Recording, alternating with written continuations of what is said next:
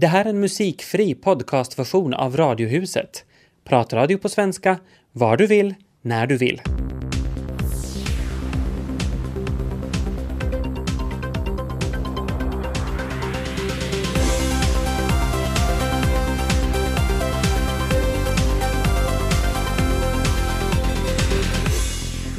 Skottdagens radiohus önskar er riktigt varmt välkomna med Tobias Larsson i Helsingfors. Och Peter Falund i Vasa. Och det ska handla om radio när den är som allra viktigast faktiskt. Mia Vanhatalo bänkar sig som bäst här hos mig. Hon jobbar för Facebook-sajten Senja opettaa sinulle ruotsia som både hyllas och upprör en aning närmast för att den så att säga leker för mycket med svenskan och så hade man mage att arrangera en svordomslandskamp mot Sverige.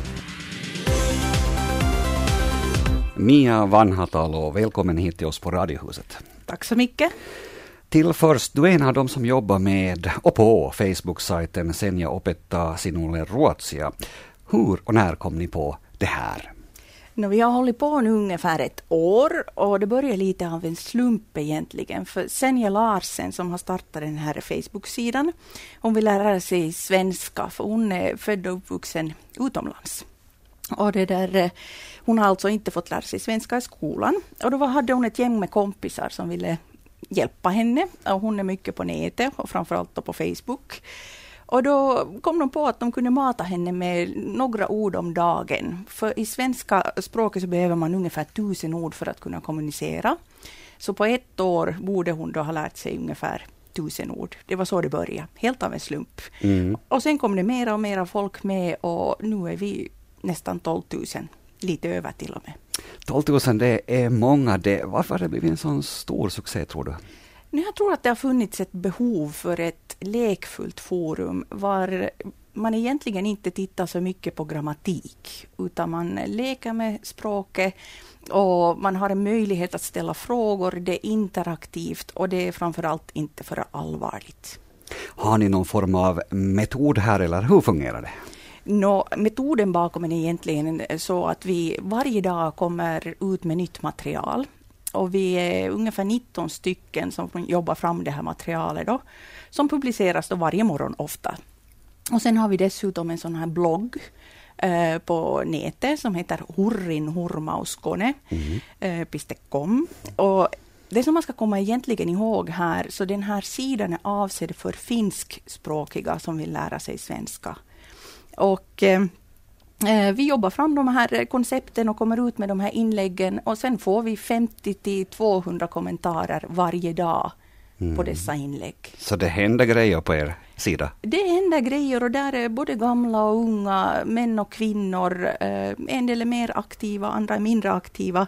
Och på Facebook så finns det en sån här regel att ungefär 90 procent av de som är där så kallas för stalkers. De är bara och tittar, säger ingenting, låter inte av sig, gör inget väsen. Sen har du 9 procent som kanske kommenterar nu och då. Och så har man då ofta 1 procent som faktiskt är där då har en social arena mm. som alla andra följer. Du sa att ni är 19 stycken ungefär ja. som jobbar aktivt ja. med det här. Och ni har egentligen inte träffats på riktigt? Nej, vi har inte träffats på, äh, på, riktigt. Jag trodde ju aldrig att det här skulle vara möjligt. Äh, jag hamnade alltså på sidan helt av en slump, för en av min kompis hade klickat att hon gillar den här sajten. Så gick jag och tittade dit och så tyckte jag att det var ganska roligt och så började jag skriva där och så plötsligt fick jag ett meddelande till min egen Facebook att hej, jag vill ha dig i mitt team. Mm. och då var det Senja som skrev. Och sen visar sig att, att eh, vi har liksom blivit då 19 stycken och vi jobbar eh, virtuellt tillsammans, kommenterar, eh, spånar kring svenska språket, hittar på vitsar och lägger ut sånt material som vi själva tycker att är roligt. Som ofta ska ha en poäng eller sen så ska det innehålla information. Eller det kan också vara grammatik, men det ska vara på ett roligt sätt. Och i dagens samhällsklimat så har vi det lite motigt, vi, vi finlandssvenskar. Eh, det blåser lite kallt eh, om oss emellanåt eh, från majoritetshåll. Men hurdan har reaktionen varit som ni har stött på från de helt finskspråkiga? No, jag måste säga att jag är så överraskad, för den här eh, feedbacken som vi får så är så jättepositiv. Att jag var lite rädd där till en början att oh, oh, att när ska någon hitta oss och börja liksom skriva en massa med fula inlägg eller svära eller någonting sånt. Men jag måste säga att nu har jag varit där i 13 månader. Vi har inte behövt plocka bort någon. Inte en enda kommentar, inte en enda människa, inte ett enda inlägg. Och det tycker jag är smått otroligt. Mm. Så man ska inte alltid tro allt som står i tidningarna faktiskt. Det finns en stor andel människor som faktiskt tycker att svenska är roligt och de har hittat sin väg till oss. Ni använder gärna ordlekar och översättningar av korta fraser. Hur pass effektivt är, är det och, och, och, lär man sig bra på det här sättet? No, det som vi egentligen liksom ville komma ifrån så var det här med grammatiken. Och vi tänkte just på det här att vi matar kanske tre till tio ord per dag. Och då kan man göra det just med korta fraser eller via skämt eller via ordlekare. Och är det sen liksom det absolut mest effektiva sättet, så det vet jag ju inte, men åtminstone har det varit roligt. Mm. Men eh, lite kritik har ni fått för att leka för mycket med svenska språket, eh, att det, det, att det liksom tillåtet här hos er att göra fel. Hur kommenterar du det? No, hos oss finns ingen rödpenna. Och eh, överhuvudtaget så tycker jag att ibland så tittar man på livet lite för allvarligt. Och det som jag eh, egentligen har märkt här nu under det här sista året så är det här att eh, svenskspråkiga, vi äger inte språket. Utan istället för att liksom utesluta så ska vi ju inkludera. För vi har ju ingen framtid ifall om vi inte liksom eh, får folk att älska språket och det är därför vi kallar det också för älsklingssvenska, remoruotsi och försöka komma ifrån det här liksom att man måste, mera liksom att man vill och har en möjlighet. Men kan du förstå att, att en del, säkert inte så många, men någon blir upprörd? Absolut, och man har ju rätt till sin åsikt och den måste också få ventileras.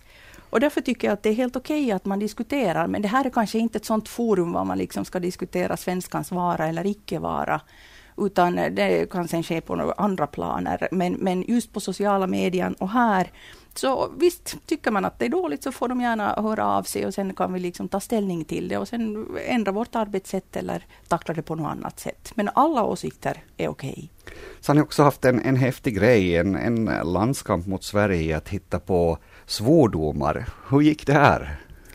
No, det här var en sån här grej att Svenska Dagbladet i Sverige hade en lång artikelserie om hur svenska språket utarmas. Och att man fortfarande svär som man gjorde för 300 år sedan. Det vill säga det som var tabu då, eh, helvete, satan och alla de här, ursäkta mig. Mm. Men att Svenska Dagbladet tyckte liksom att det här var lite för legat att fanns det liksom inga andra ord, eh, sådana här nymodiga tabun som man skulle kunna ta upp. Och det här snappade vår skola upp och då kastade vi ut en sån här utmaning till våra elever. att Hur skulle ni svära? Det ska vara salongsfähigt, det ska ha humor och det ska ha en poäng. Ja. Och då fick vi en hel massa med inlägg och sen, sen kom vi på att nej, men vi kan skriva till Svenska Dagbladet att vi kan hjälpa er. Mm. Och det här tyckte ju de var jätteroligt. Så vi blev sen intervjuade och vi var till och med med i Godmorgon Sverige och svenskarna tyckte att det var jätte, jätteskoj. Och sen överräckte vi eh, vår skola då stafettpinnen till Svenska Dagbladet och Hufvudstadsbladet att de skulle fortsätta med den här landskampen. Exempel nu på nya kraftuttryck då? No, här var ju liksom, vi ville ju lite, lite mm, säga till svenskarna också, de kan ju inte säga euro så vad är de då rädda för? Så vi kom upp på en sån här att äh, akta dig, annars kommer euron och tar mm. dig. Mm. Och sen hade vi till exempel, det var ganska mycket i nyheterna om Berlusconi, att vad skulle man då, hur skulle en sån kunna karaktäriseras, en sån typ? Och då var det någon som kom på ordet ozonsnubbe. Okay. Alltså en medelålders man som håller på att bli lite flintig. och så vidare och så vidare. Ännu någonting som du kommer på? Och sen hade vi liksom att, att när någon blir riktigt rosenrasande så, så då gör man en bardarbunga. Och Bardarbunga är ju en eh, vulkan på Island, så när man riktigt exploder, exploderar då så, så gör man en Bardarbunga. Eller så kan man vara arg så in i urberget, för då har vi med, med kärnbränsle och sånt som ska försvara, äh, för, förvaras inne i urvärlden, så, äh, i urberget. Ja. Så nu, nu kan man då bli arg så in i urberget. Så det var här nog eh, egentligen kanske inte svordomar utan mera kraftuttryck sådär skojiga? Ja, det var kraftuttryck och jag fick ju sen lite ett ansikte där men jag är fyra barns mamma så det bjuder jag på. Mm.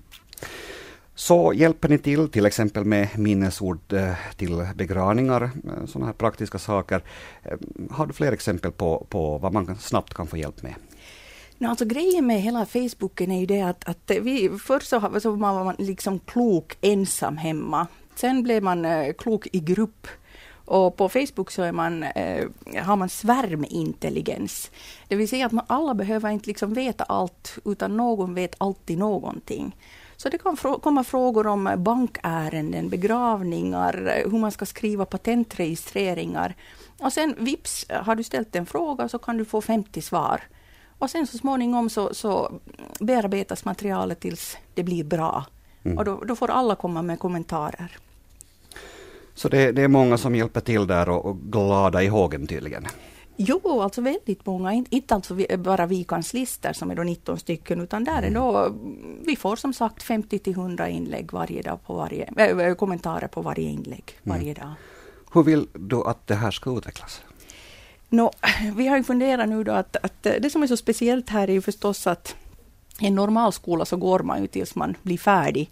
Men eh, på Facebook eh, i sådana här skolor så det där man lever så länge som man har elever. Att så länge som människor vill komma dit så, så bjuder vi gärna på oss och, och vår kunskap och, och delar med oss. Och sen eh, det som har hänt här nu är att vi är inte enda språkskolan, utan det har kommit närmare tio. Så det finns Helmut opettaa sinulle saksaa, det finns, du kan lära dig kyrilliska, du kan lära dig same, engelska och så vidare och så vidare. Så det här är en sån här spin-off effekt som har kommit då via den här Senja opettaa sinulle ruotsia. Och, och vi kommer att ge ut en bok i höst med samlade kommentarer då som har hänt under förra året. Varför vill du jobba med det här?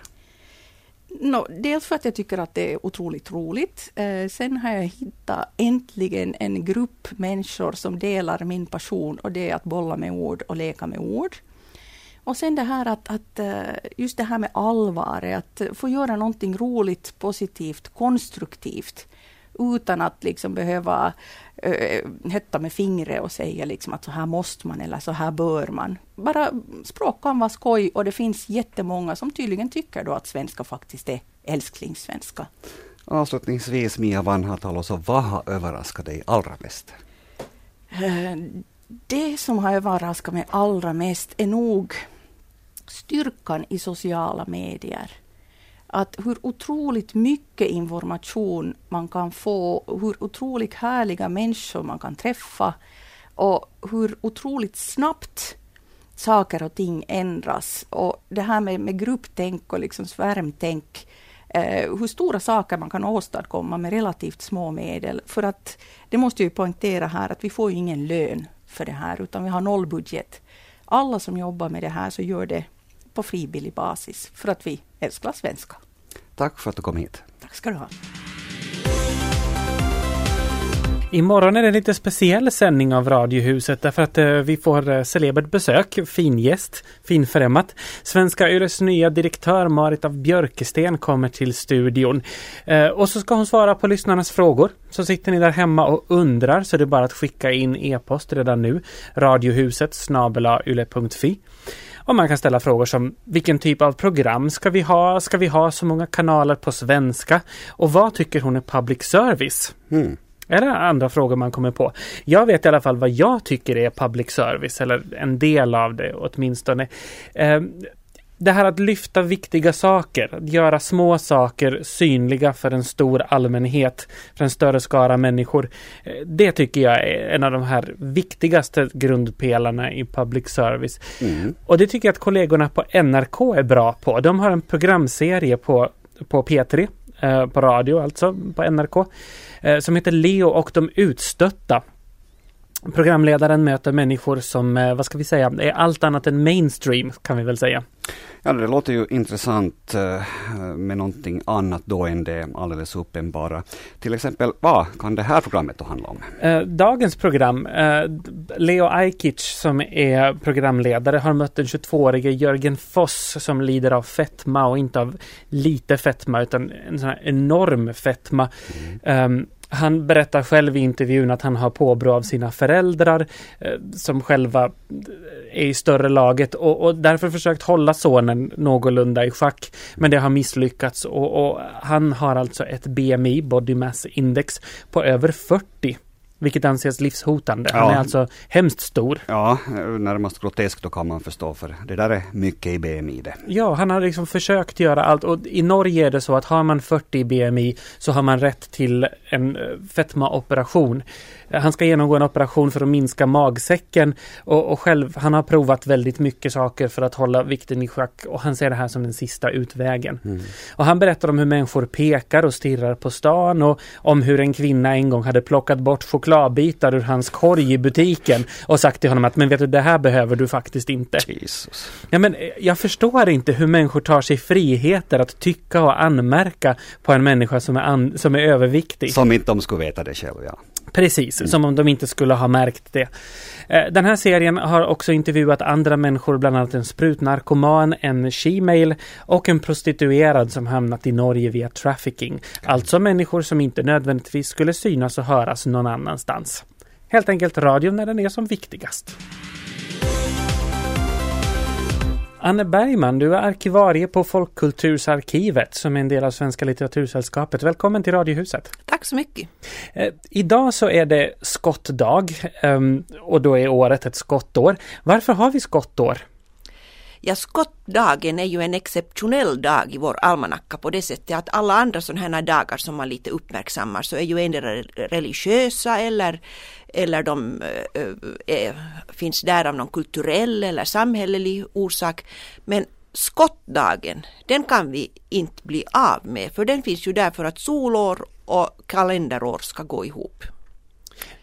Den brukade infalla den 24 februari. Varför, varför gör den inte det längre? Uh, ja, brukar infalla, ja visst i Finland i alla fall, så ändrar man den uh, år 2000 så ändrar man den från den 24 till den 29. Och då var Finland faktiskt det sista landet i hela Europa som gjorde det. Alla andra länder hade flyttat den till den 29 så det var en sån här EU-anpassning. Och när man gjorde det så, så det var inga protester och det var ingen som brydde sig om det. Det var nästan ingen som ens märkte det.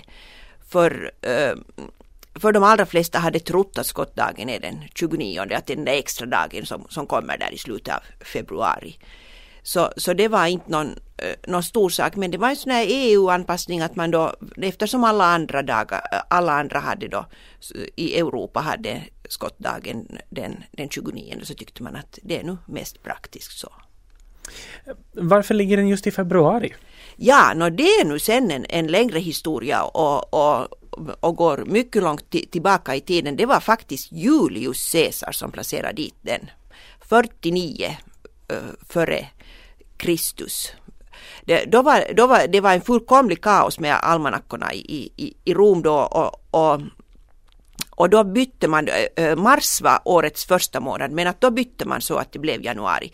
Men för att hålla kvar någonting av det där gamla så satte man sen då den här extra skottdagen i, i slutet av februari. Så det är därför, och då hade februari 23 dagar så därför blev den sen den 24.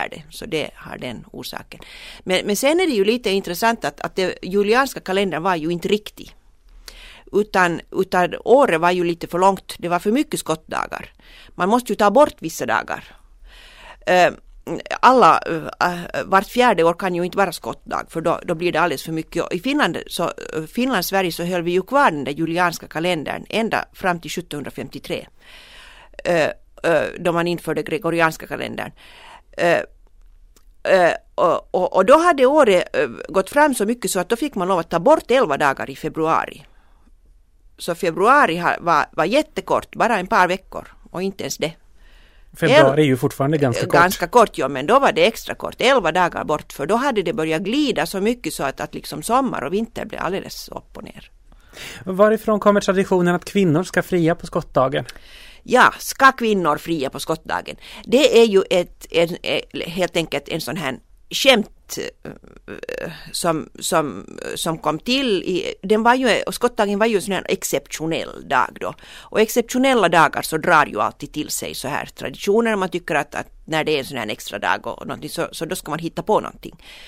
Uh, och, och det, det, var i överklass, borgerliga och, och högborgerliga kretsar i England och, och Frankrike som man började då, uh, tycka att på den här exceptionella dagen så skulle då så skulle det oerhörda och omöjliga kunna ske att kvinnor skulle få fria eller kvinnor skulle få bjuda upp till dans. Och det var en så omöjlig tanke så att att det var för männen bara att köpa sig fria och det, det egentligen så, så det här var absolut ingenting, eh, ingen del av, av, av kvinnoemancipationen utan, utan tvärtom så förstärkte det ju bara de här de, de rådande samhällsförhållandena eftersom det då var någonting alldeles und, eh, omöjligt och underligt som, som fick ske på den här exceptionella dagen. Vad har det funnits mer för traditioner runt just skottdagen? No, no, det har inte funnits så hemskt mycket andra traditioner. Det är klart att, att varianter på det här eh, Sen, sen kom då de här traditionerna till, eh, till Finland och de, och de kom via massmedia och, och, och den här skottdags eh, mm, Skottdagen är ju nu för tiden också i mycket hög grad en, en massmediatradition att det är i massmedia man hör talas om det. Nej, det är i tidningarna man frågar har du hört talas om det här och har du fria och, och, och så här. Uh, uh, men, men man har ju nog ordnat eh, i början av 1900-talet så ordnade man ganska mycket sådana skottdagsdanser då när det var mycket danser.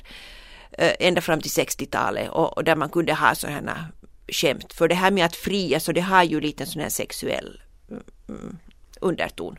Så, så lite sådana sexuella och, och, så finns det ju också många som, som man som ett skämt har, ha, att eh, 20 kvinnor på en arbetsplats har, har skickat brev åt, åt samma man med, med frieri eller, eller att, att väninnorna har, har slagit sig ihop och sen då fria till, eh, skicka något sånt här eller fria då till, till, till samma man eller man har bestämt möte och, och, och någonstans och så har man då legat i bakhåll och tittat kommer han eller kommer han inte. Alltså, sådana här saker. Och, och, det är ganska intressant när man, man tänker på hur det är nu idag så mm, mm, så, så det här det kom ju till egentligen i, i, i, då i den här överklassen där, där det var um, uh, där så här skämt och, och överraskningar och, och, och, och olika sådana här eh, upptåg var, var egentligen det som man sysslade med. Man hade fester och, och, och, och hittade på olika saker.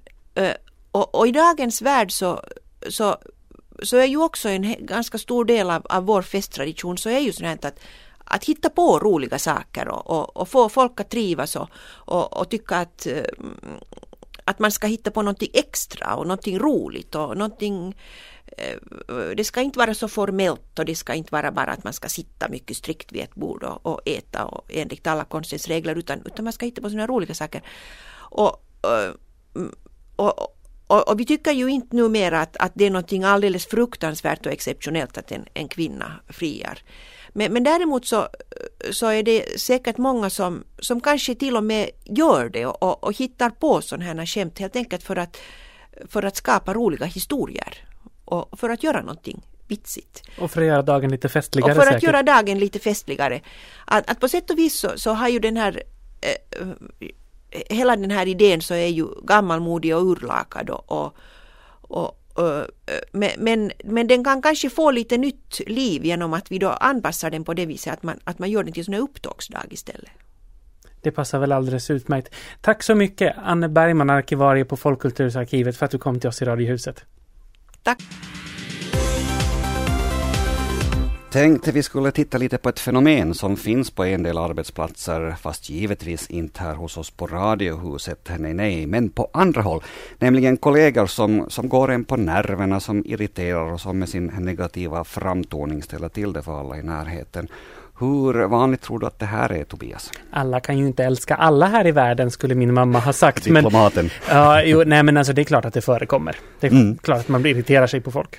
I dagens eh, Taloussanomat berättar Katarina Perka Jortikka, som är filosofidoktor. Hon är också fackboksförfattare och arbetsplatskonsult om de här arketyperna. Och det är ganska underhållande läsning i all sin krankhet. Här några.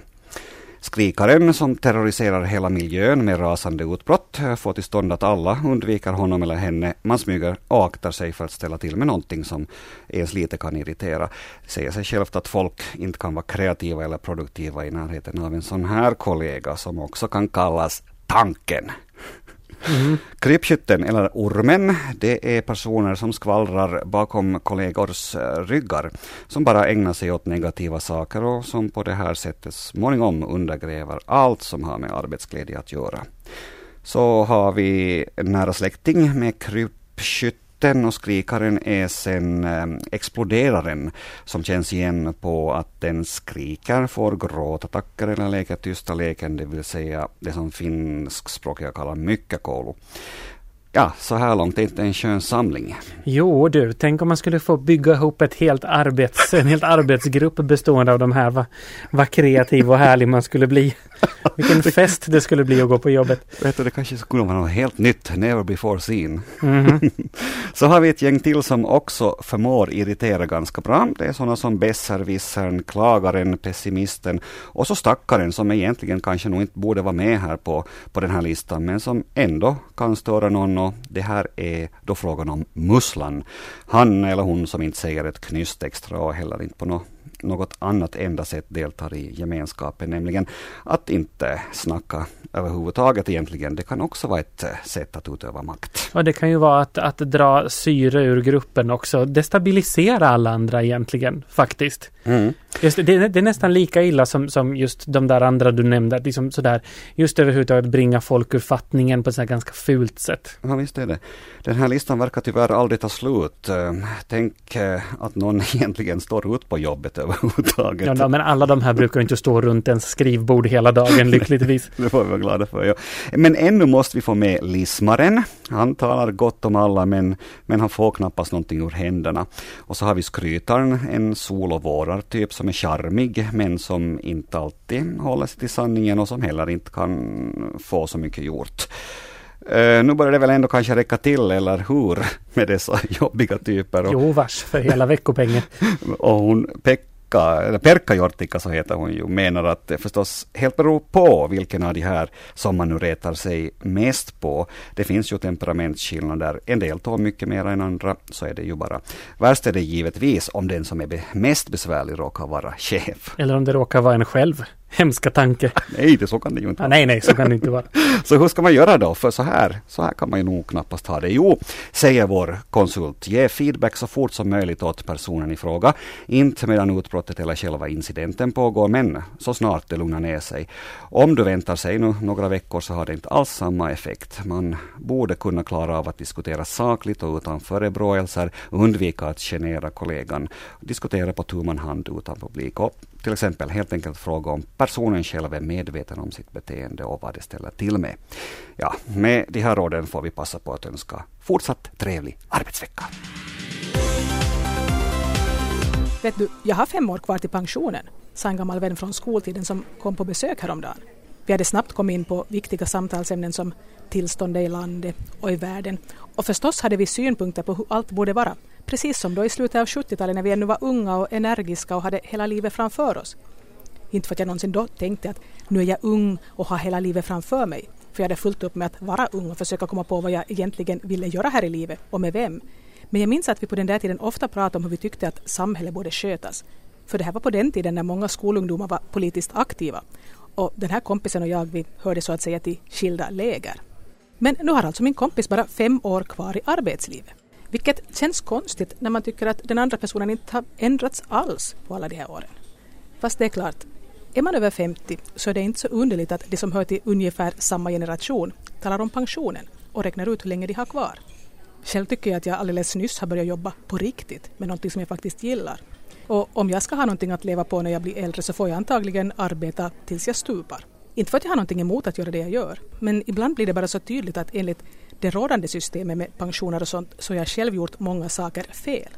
Medan min kompis däremot, han med fem år kvar till pensionen, han gjorde en massa saker rätt. Han studerade snabbt och effektivt, blev klar, fick en fast tjänst, gifte sig och fick tre barn, som nu alla är vuxna. Han vidareutbildade sig och fortsatte att jobba inom sin bransch. Och han trivs jättebra med sitt jobb, kan jag kanske tillägga. Själv studerade jag länge och mycket, men inte så värst effektivt. Och jag blev aldrig riktigt klar med min magistersexamen. Under studietiden jobbade jag periodvis med sånt som inte alls hade med mina studier att göra. Sen flyttade jag till Spanien och stannade betydligt längre än jag först hade tänkt. Fem år senare återupptog jag studierna i Helsingfors, men det avbröts igen när jag lite oplanerat hamnade att gifta mig med min pojkvän sedan många år tillbaka eftersom han skulle jobba tre år i Washington DC och jag ville följa med. Så först 1997, när vi flyttade från Washington till min hemstad Nykarleby, började jag jobba på allvar som radioredaktör. Och det har jag gjort sedan dess, mestadels som frilans. Så det där med månadslön och betald semester är någonting jag inte har någon större erfarenhet av. Och jag kan inte räkna med att någonsin få någon speciellt fet pension. Men inte säger jag det här egentligen för att beklaga mig. För om mitt mål i livet hade varit att vid lagstadgad ålder kunna kvittera ut en hyfsad pension så skulle jag ha varit tvungen att göra många saker annorlunda. Inte var det heller så att jag tänkte att nu ska jag göra omkring i tillvaron på ett sådant sätt så jag aldrig får någon vettig pension. Men jag lät inte heller bli att göra de saker jag gjorde av rädsla för eventuell ekonomisk misär någon gång i det som då kändes som en avlägsen framtid. Plötsligt minns jag någonting som hände i slutet av 80-talet då jag bodde i Spanien. En ung rikssvensk kille, förmodligen lite på 20, var på besök hos en av mina arbetskamrater. Hon berättade då att hon hade tänkt stanna ett par år till i Spanien för hon tyckte om att jobba som flygvärdinna. Den unga svenska killen, som jag av någon märklig anledning fortfarande kan se framför mig, blev alldeles förskräckt och sa ”men då får du ju inga ATP-poäng”. Jag visste inte vad det var för någonting men förstod sen att det hade med arbetspension att göra och jag blev helt förstummad. Hur kunde en kille som var så ung fundera på pensionen? Samma dag som jag hade diskuterat framtidsutsikter och pensionsåldrar med min gamla skolkamrat surfade jag runt på nätet och råkade hitta en artikel om den portugisiske regissören Manuel de Oliveiras nya filmprojekt. Jag har sett några av hans filmer. Vissa var jättebra, andra helt konstiga. Men han var ju jättegammal redan för tio år sedan tänkte jag. Gör han filmer fortfarande? Kanske det var en gammal artikel? Men nej, den var från september i fjol och då var Manuel de Oliveira 102 år gammal. Han har sedan dess fyllt 103 men jag hittade ingenstans på nätet några uppgifter om att hans projekt skulle ha avbrutits. Mitt namn är Ann-Sofie Sandström och jag undrar om jag borde ställa in mig på att jobba i 50 år till om jag mot förmodan skulle få leva så länge med någorlunda god hälsa. Om man bryter mot trafikreglerna så blir man ju av med körkortet, det vet vi. Mm. Eller ja, det beror lite på vad man gör och så naturligtvis. Men, men ofta blir det så att man blir av med körkortet. I Danmark blir det allt vanligare att man blir av med hela bilen. Nå, nu snackar vi verkstad och inte bara lullull. Här pang på, inga silkeshandskar här inte. Dansk polis noterar att allt fler av de körkortslösa fortsätter att köra ändå fast de lämnat in kortet. Och när de tar fast någon som kör utan körkort, ja nästa åtgärd är att man tar hela bilen. Bilföraren får den tillbaka tillsammans med kortet. Och så, Nå, Mm. mm. Mm, nu ska det ju svida lite. Ja, och så får de ju förlängt straff till råga på allt dessutom. Eh, danska polisen säger att man vet inte riktigt hur effektivt det är för folk kan ju fortfarande låna eller i värsta fall stjäla bilar av varandra. Men säkerligen är det ju en ganska effektiv knäpp på näsan. Jag Jo. menar, när ens partner kommer hem och frågar eh, älskling, var är bilen? Vad, vad svarar man på det? Bara, ja, eh, bilen, ja, eh, liksom.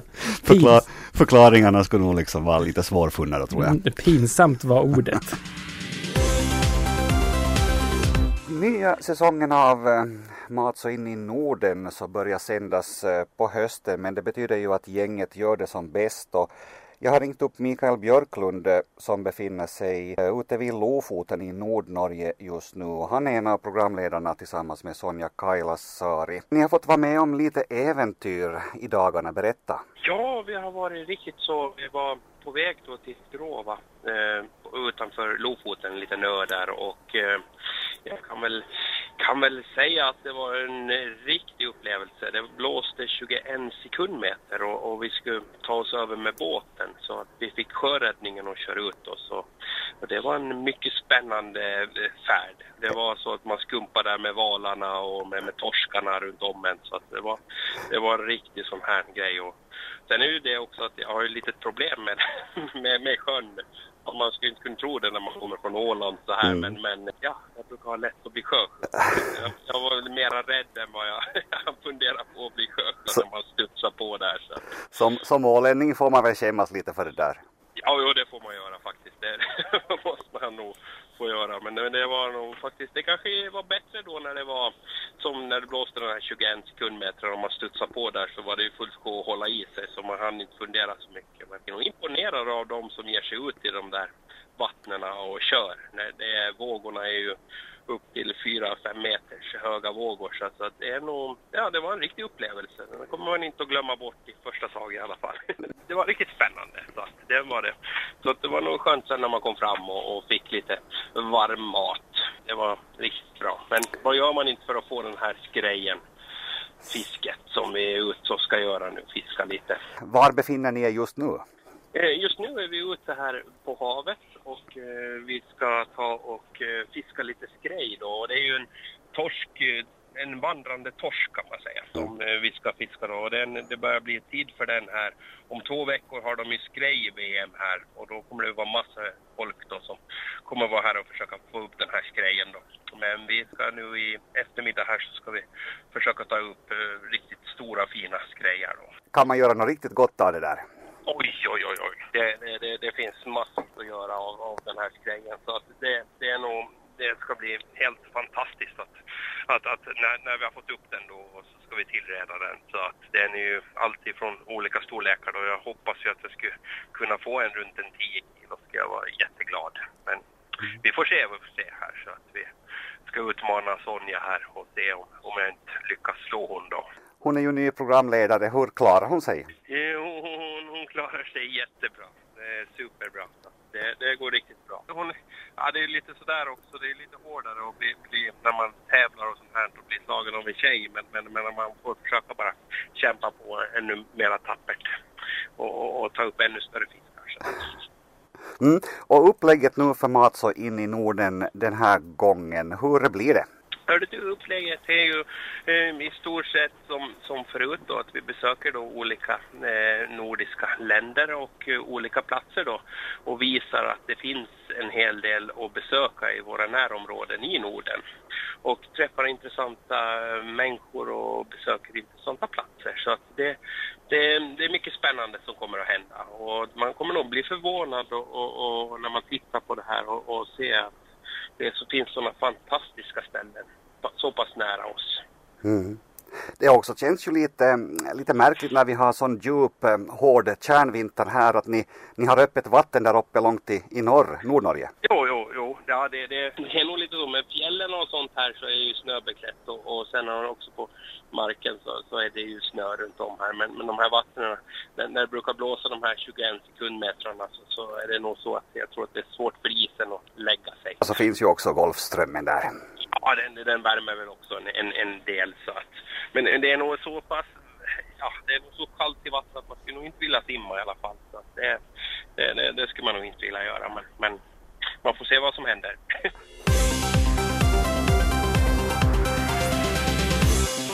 Det här var en musikfri podcastversion av Radiohuset som sänds i Radio Vega måndag till torsdag.